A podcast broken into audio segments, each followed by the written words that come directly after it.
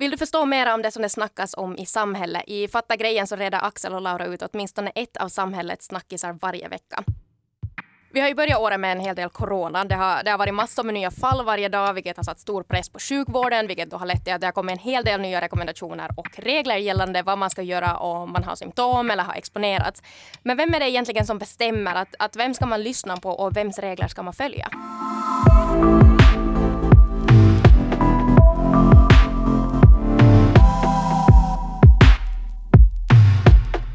Alltså för tillfället så är, det ju lite sekassin att hålla koll på, på rekommendationer och reglerna, vad som egentligen gäller. Mm. Uh, det låter typ att, som att uh, alla som har symptom eller blivit exponerade ska testas. Men bara de som har allvarliga symptom ska testas.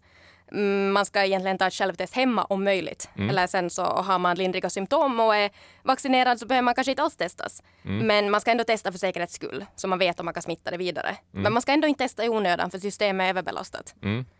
Mm. Eh, ja, Tydligt och klart. tydligt och klart. Ja. Det- Nej, men det det här där, är ju vad som, det där är ju vad som gäller nu. Typ. Ja, och Men- det, alltså man får ju migrän. Jo, jo. Alltså lugnt sagt. Ja. Så är det. Och sen att försöka liksom hitta någon och fråga varför det är så här och vad det är som egentligen gäller eh, visar sig också vara svårt, Mm. vilket vi kommer in på sen. Det exploderar antalet fall här Mm. eh, efter nyåret, eller kring, här på julen helt enkelt. Mm. Och, och så kom det ju då nya sådana här regler eller direktiv eller rekommendationer, vad det sen heter. Mm. Att man inte nödvändigtvis just måste, måste ta ett sånt här PCR-test, alltså ett så här riktigt test om man kan kalla det, när man just gräver ner i näsan. Eh, och Mm. Exakt, sen det är någon annan som gräver Ja. dig i näsan. Någon det- med någon sån där visir på och konstiga Mm. vita och som skynken. behandlar en som att man skulle ha världens dödligaste sjukdom. Precis. Och sen får testa då via ett laboratorium. Men eh, det, det sägs nu då att ett, just ett självtest hemma ska räcka. Mm. Och det här har ju också då lett till att det finns en hel del människor som har eller har haft corona utan att egentligen ha haft corona. De har liksom inte fått det officiellt bekräftat. Nej, precis. Ja. Sådär. De vet för sig själva att det här är nog säkert corona. Ja. Speciellt om man kanske har tagit till och med två hemtest eller något. Ja. Sen har jag förstått att de här hemtesterna funkar så att om de visar att man har corona så kan man nog ganska långt lita på det. Mm. Men om de visar att man inte har corona så kan det vara att man kan vara skeptisk. Ja. Därför ska man ta flera. Mm, det är lite som ett graviditetstest. Ja. De, kan, eh, de, de visar inte falska positiva, men de kan visa falska negativa. ja, Ja. exakt. Vi ska försöka reda ut allt det här Vi ska nu. göra det, men jag tänker att till, riktigt till en början så kan det vara bra att hålla koll på två olika begrepp. Och det är då karantän och isolering. Mm. Um, det, det har inte egentligen så stor skillnad om man nu snackar med kompisen liksom att oh, jag är i karantän eller jag är i isolering. Men Mm. bara för att man nu ska lite hänga med eh, vad vi pratar i den här podden eh, så är karantän då att rörligheten för en person begränsas. Mm. Eh, Att man säger så att håll, håll dig hemma, du kan vara smittad, att håll, håll dig lite borta från andra. Precis. Eh, medan isolering sen är då mera att man på riktigt ska hålla sig borta från allt och alla. Mm. liksom Precis, typ låsa isolerad. in sig hemma. Ung, ja, Ja. precis. Precis. Helst inte ens före ut roskis. Nå, I karantän så kan man ju typ gå ut och gå ändå, om man håller avstånd till Mm. Ja, folk. och inte nyser på dem som går Nej. förbi.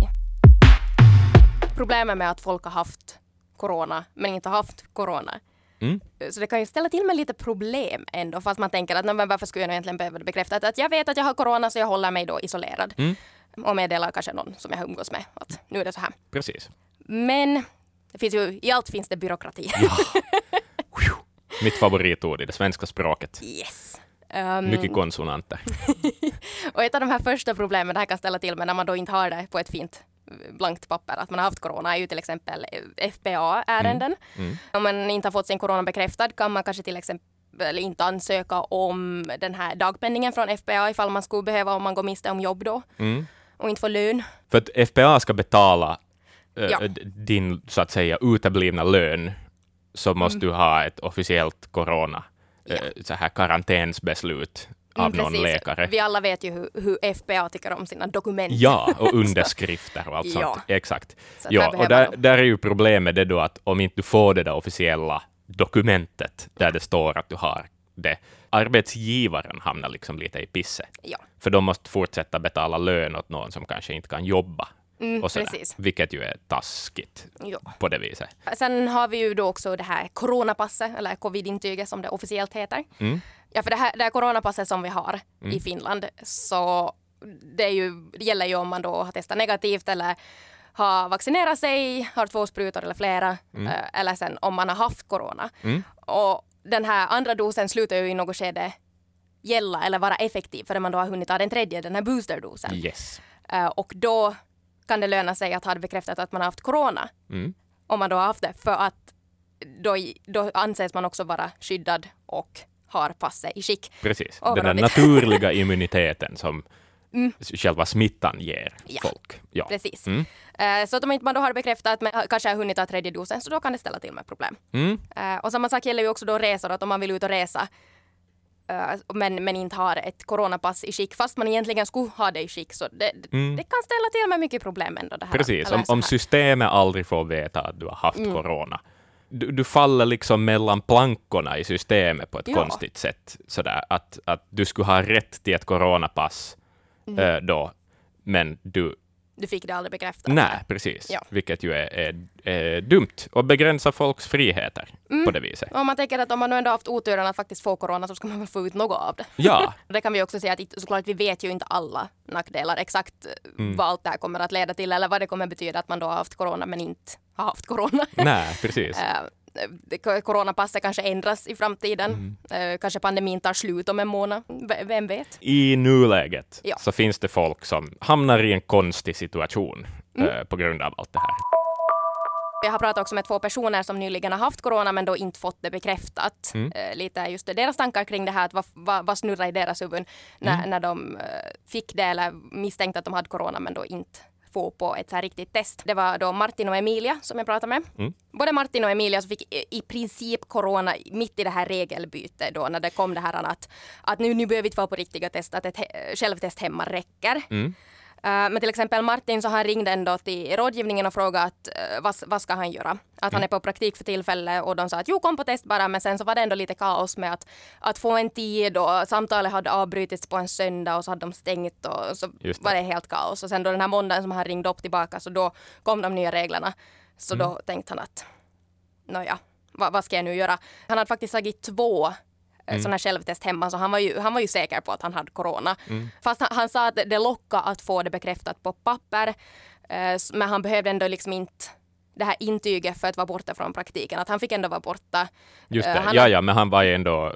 Han skulle ha kunnat hamna i pisse. Han skulle kunna hamna i pisse, men som tur så hade han tydligen bra arbetsgivare då på praktiken som sa Mm. att okej, men var borta bara. Och sen eh, hade han också tre doser vaccin, Mm. så han, han behövde inte egentligen för coronapasset heller och så där, så att han valde då att avboka det riktiga testet för, för att han just inte ville överbelasta vården i onödan. Eh, Mm. Så, att, så att han sa att han helt enkelt eh, hoppas att någon som behövde testa mera fick den tiden. Emilia så, så hon sa att hon har tänkt ganska mycket på vad hon kan just gå miste om då hon inte har fått ett officiellt svar på corona. Och eh, Emilia var också ganska i, i samma situation att hon hon ville inte överbelasta vården, hon hade tagit ett självtest hemma, hon hade fått corona. Eh, Eller hon, hon var ganska säker på att hon hade corona då och hon behövde inte heller något intyg från, från sin praktik som hon också var på och hon hade två doser vaccin så att eh, hon sa att liksom, hon, hon var inte heller i, för tillfället i behov av ett officiellt svar fast hon har tänkt mycket på vad just hon kan gå miste om. Mm. Det hon mest sa att hon nu är fundersam över att vad händer med den tredje dosen? Just det, precis. Att, eh, Mm. När ska hon ta den? Ska hon ta den? För hon hade också en, en eh, tid redan bokad för att ta den. Ja, för i princip är man ju då immun Mm. eh, tack vare, om man kan säga det, eh, coronaviruset. Mm. Eh, men eh, jag snackade faktiskt med en läkare, Heikki Kaukoranta i Vasa, och Mm. han sa det att, att sådär, fast man då har den där immuniteten av corona, eh, själva eh, viruset, Ja. så är det nog helt safe att ta den där tredje sprutan. Alltså det är inte som att det, det är dåligt för Nej, dig. man får inte något fel om man tar den. Nej. Nej. Att det enda han sa att, att vissa har fått kanske lite sjukare i den arm de har tagit sprutan eh, Mm. än vad du skulle få om du skulle vänta tillräckligt länge, så att säga.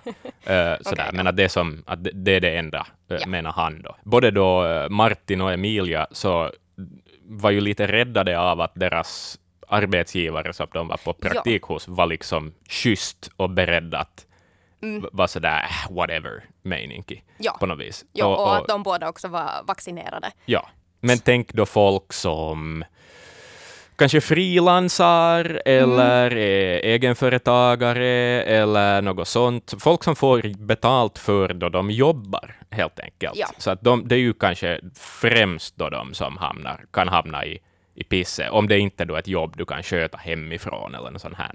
det kan vara att du blir utan pengar som du skulle ha rätt till. Ja. Och, det, och det är ju synd. Men, men summa summarum, när jag pratade med både Emilia och, och Martin var att de båda också var väldigt osäkra på det här, att vad skulle man egentligen göra? Och fast också Martin ringde rådgivningen och där var det ju kaos och allt. Det är väldigt svårt för tillfället nu att veta att på riktigt vad ska man göra? Och de hade ju bara turen då att de på riktigt, för tillfället i alla fall, inte behöver den bekräftad eh, och att praktikplatsen var snäll. Precis.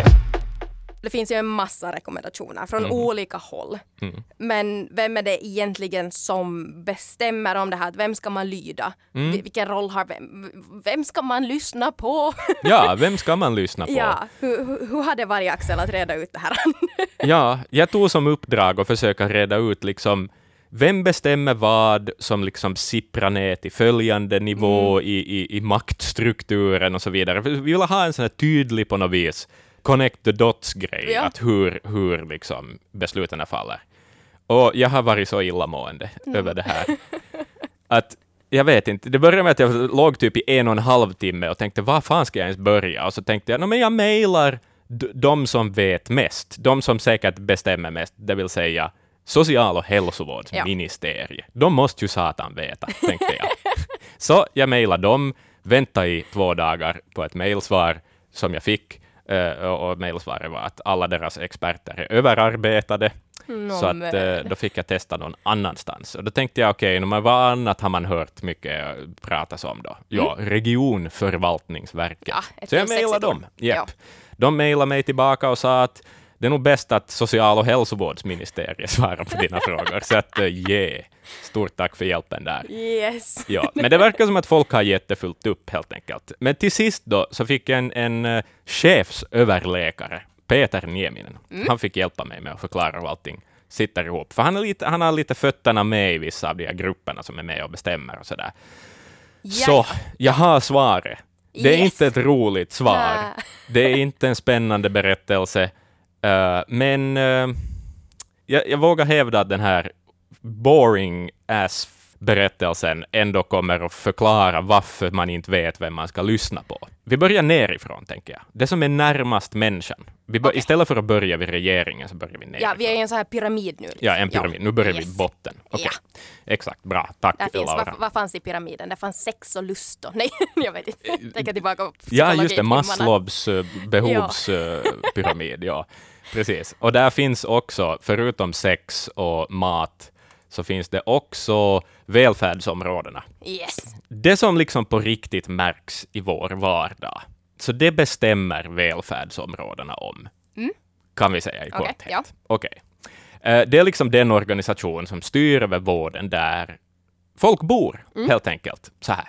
Och inom välfärdsområdena så finns det en massa olika arbetsgrupper. Eh, där sitter liksom läkare med och folk från skötare och, och, och eh, folk ur administration och allt möjligt. Det kan finnas pandemiledningsgrupper, det kan finnas de som eh, fixar, ser till att vaccinationerna funkar och så vidare. Men den viktigaste gruppen här, ja, som vi ska komma ihåg, är något som heter Coronasamordningsgruppen. Och de finns i alla välfärdsområden. Okej. Coronasamordningsgruppen. Okej, så där sitter liksom de högst uppsatta överläkarna, där sitter smittskyddsläkare, där sitter, eh, kan sitta folk från kommunerna, alltså tjänstemän som är anställda vid kommunerna. Eh, där kan finnas också representanter från THL, alltså Institutet för hälsa och välfärd. Vi kommer till dem ännu. Och sen och någon från regionförvaltningsverket sitter också med. Det är liksom en supergrupp av, Ja. Av folk som lokalt har makt. Korreskvadden, yes. Exakt, precis. Ja. Korreskvadden. Eh, de tar ställning till saker sådär som hur många får samlas för evenemang, ska folk helst jobba på distans, Eh, behöver man ha munskydd i butiken, sådana grejer. Mm. Men de bestämmer egentligen inte. Ja, ja. Okej? Okej, ja. De ger råd åt regionförvaltningsverket. För eh, de här coronasamordningsgrupperna har ingen makt att liksom införa restriktioner, men det är enligt deras kunskap som sen regionförvaltningsverket har rätt att införa de här restriktionerna. Ja, ja. Ja. Ja, ja, ja, så är det ju. Ja. Mm. För regionförvaltningsverket är en massa byråkrater och tjänstemän som är anställda av staten. De är inte läkare, de är inte människor som vaccinerar folk, och så vidare. Regionförvaltningsverket då, de har liksom laglig rätt att ta i bruk smittskyddslagen och alla olika paragrafer som står i smittskyddslagen. Sånt där, Ja, som att stänga mm. skolor eller gym eller så de kan vara fittig på om, om gymmet är stängt då du går dit. Ja. Okej, regionförvaltningsverket då lyder i sin tur under ministerierna.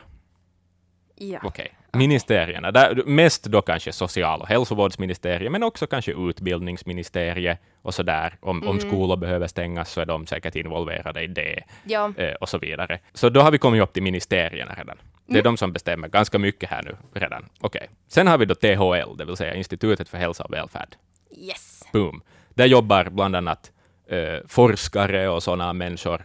Eh, de är statligt anställda också. Och deras funktion är då att sådär hålla koll på pandemiläget. Bland annat då, som jag nämnde tidigare, så sitter THL bland annat med i de här coronasamordningsgrupperna. Ja. Och de plockar den där datan de får av alla de här grupperna runt om i landet. Eh, lyssnarna ser inte mig, jag viftar vilt med händerna Ja. för att illustrera vad jag berättar. Och så där, för att samla liksom, hur paha är det i Finland just nu? Okej, och enligt den kunskapen så sitter de och funderar så där, hur skulle vara bästa sättet att hantera det här just nu? Och så Ja. ger de sina råd till ministerierna, som i sin tur har makten att bestämma. För THL får inte bestämma ett skit. De får bara ge rekommendationer. Ja, ja, jo, så är det ju. För det man, jo, jo, Mm. jo, jo. Okej. Är du, hänger du med alls? jag fick en epiphany ju. Jo, jo, för jag har alltid tänkt att man ska lyssna på THL, eller liksom sådär, de bestämmer en massa. Men det är ju sant, för det kommer ju hela tiden bara att THL rekommenderar. Ja, THL men sen, rekommenderar. precis. Men Ja. sen, ja, exakt. Det är inte juridiskt bindande, någonting av det som THL säger. Det som regeringen säger, det kan bli lag och det kan bli, det kan bli actual regler som vi måste följa. Men vad är risken då med allt det här? Det var jättemycket folk involverade i allt det här. Och jag måste säga att jag är inte riktigt säker ännu heller på, vet du, att typ Coronasamordningsgruppen och THL verkar ju vara lite liknande på sätt och vis. De består båda av experter som handskas med den här pandemin för tillfället och ger råd åt några folk som ska bestämma och så vidare. Så vad är då riskerna med allt det här rådet? Det är ju det att man inte vet vem man ska lyda, Ja, precis som vi har kommit fram till, att en risk där är till exempel det att THL kommer ut med sina rekommendationer, att nu tycker vi att man ska testa sig hemma förrän man far och tar ett riktigt test. Men det är bara en rekommendation, det är inte en regel. Men då är risken med det här, då det finns så många kockar i det här köket som alla ska laga den här samma soppan, att liksom då till exempel välfärdsområdena bara börjar jobba enligt THLs rekommendationer Ja. utan att det egentligen någonsin har fattats ett beslut, ett juridiskt beslut enligt hur man borde jobba. Att, att det är liksom som att regeringen och dess ministrar och THL eh, är i en konstig maktobalans för tillfället. ja. Ja, och sen blir det ju också just när det är så olika regler i olika kommuner och, Exakt. och det ändras hela tiden. Precis. Så bara för att illustrera då, eh, att ja, reglerna nu, eller rekommendationerna nu, eller vad fan vi nu ska kalla det, du ska testa dig hemma och helst inte belasta vården med att fara dit och ha då någon sån där människa i en hazmat-suit och peta dig i näsan. Men här i Vasa till exempel, så är nog ännu drop-in testkön är öppen ännu. Du kan fara dit och ingen kommer att fråga att har någon gett dig tillstånd att komma till, för att ta det här officiella testet eller inte. Ja, ja, ja, nej, här i Helsingfors så måste man ju typ sälja sin ena njure för att få fara på test. Nej men precis, eller så måste man vänta i fyra dagar eller någonting i den stilen. I princip borde ju samma regler gälla här. Ja, en annan följd av allt det här rådet är att olika områden i Finland så har man liksom börjat ta makten i egna händer. Alltså uh, nu så egentliga Finland, alltså Åbo-trakten och så där. Så där har man ju eh, nu senast börjat skita i smittspårningen till exempel. Japp. Man har insett att det här går inte med. Det är för många fall. Det är för mycket jobb. Så att man liksom, man sket i det. Fast det, det är i princip att gå emot reglerna. Du, man följer inte regeringens strategi då Ja. man gör det. Alltså i grund och botten så är det det att lagstiftningen släpar efter. Den, Ja. den är inte tillräckligt snabb. Ja, nej, men man tänker också vi har haft liksom tusentals fall varje dag och de Mm. här stackars människorna som måste sitta och ringa de här samtalen. Mm. Jag, vet ju själv, jag har en gång fått ett sånt samtal och jag tog ju säkert upp en halvtimme av dens arbetstid för jag satt ju hade så mycket frågor. Ja, nej men precis. Tänk det då. Tänk Ja. hur mycket det är att reda ut. Speciellt om det är mitt i allt då på en vecka i, här då i Vasa. Det är Ja. inte förstås jämförbart med hur det är nere i Nyland. Men om det då är tusen nya bekräftade fall på Ja. en vecka, så då, fatta då pappersjobbet. Då ska du ha tusen isoleringsbeslut Mm. i princip, och sen reda ut hur många människor den här, alla de här tusen människorna har varit i kontakt med. Det kan vara tre, fyra, fem personer kanske. Så då är det kanske 5000 karantänsbeslut som ska fattas också.